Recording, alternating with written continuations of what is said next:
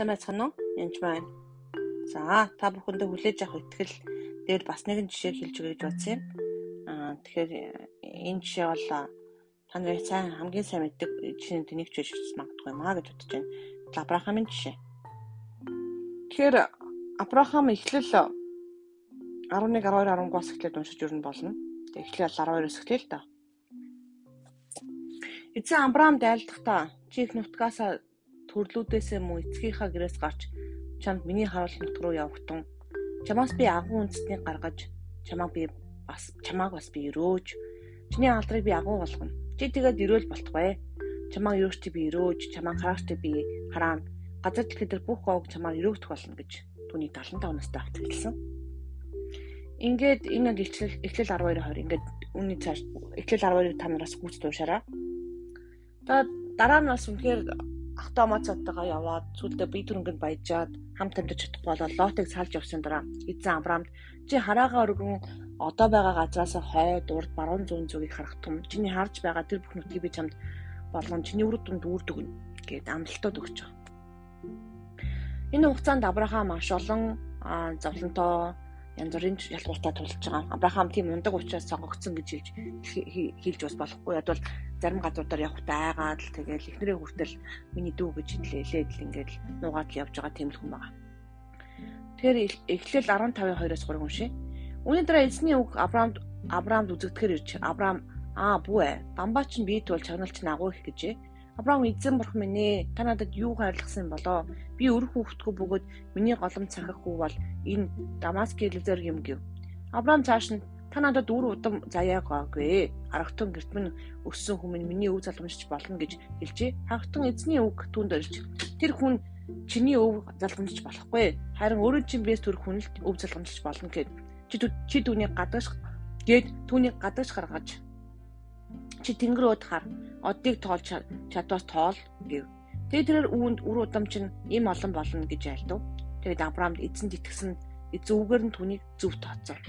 Тэгэхээр Авраамд энэ амлалтууд зөндөө олон иржсэн боловч яг амлалт бэлгэлээ маш олон жил болсныг та бүхэн мэдж байгаа. 75 та их амлсан тэгээд 99 настай тэгээд яг 100 наснда амлалтаа авсан байдаг. 25 жилийн дараа. Үнэхээр төвчээр шалгасан гэсэн. Энэ ишлийн хамгийн сайхан хэсэг нь бол яг хамгийн сүүлч ишлэлд байгаа. Түүнийг гарт нь баригдахаас бийд үзэгдэхээр юмар бурхан амлаж байгаа. Чи тэнгэр уудахаар оддыг тоолж чадвас тоол. Тэгээд тэрэ түн удам чинь ийм олон болно гэж ялдав. Тэгээ Авраам эзэнд итгэж байгаа. Эзэнд итгэсэнд эзэн үүгээр нь түүнийг зөв тооцож байгаа. Үнэхээр бид нар бурханд итгэх үед бурхан биднийг зөв тооцдог ба.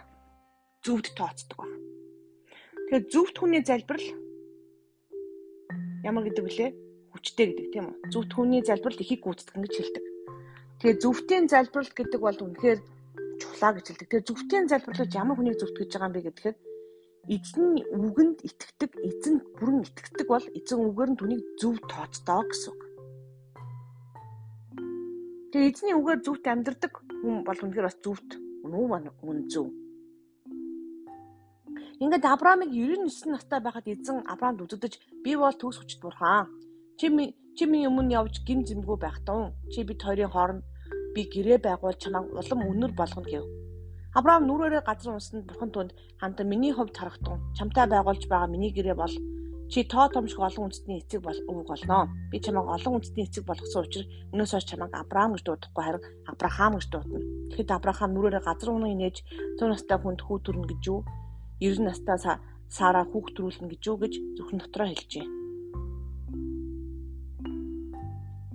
Гэтэ энэ хэдий эргэлзэж байгаа боловч одоо энэ чинь 25 жил болсон гэсэн 24 жил амлаад 24 жил болоод нөгөө бурхан амлсаар л байдаг.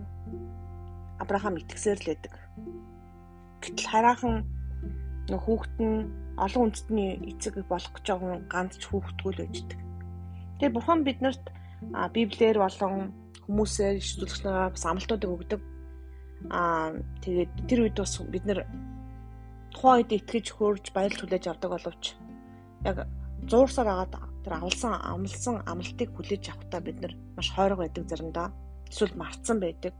Итгэл нь бүхдэг, эргэлздэг, эсвэл төвчээргүй болж хуурдаг. Нэгэн жишээ л да. Нэгэн эмэгтэй сургууль сурах гэж байгаа. Тэгээд сургалтын төлбөрөөр төлж чадахгүй.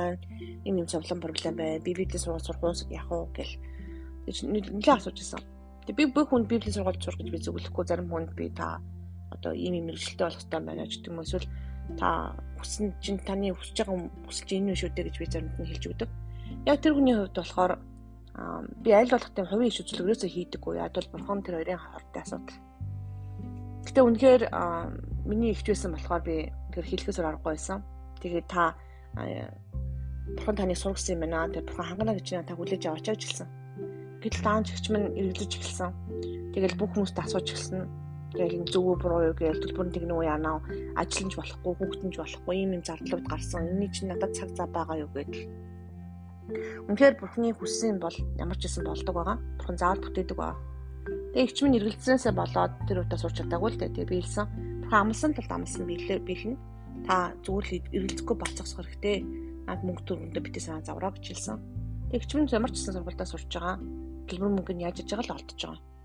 Аа тэгээд яг хөө тэгэхээр миний тэгч өсөж байгаа гэсэн үг.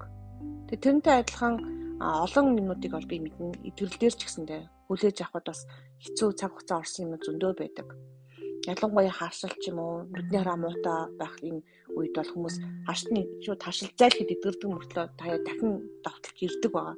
Тэр үед нь хөөждөхгүй яна дахиад ирчлээ яг яв болов гэл айгаал сандраал эхэлдэг. Тэр үед нь бац зогсож явах ёстой гэсэн. Тэр гадаа шуурга болоход бид нэр дотор байшин тоосгон байшин дотор нэр булангийн сайн суурьтай байшин дотор байгаа юм шиг байх ёстой гэсэн. Тэр итгэл итгэл биднийг бас зөвтгдөг өө гэсэн. За баярлалаа.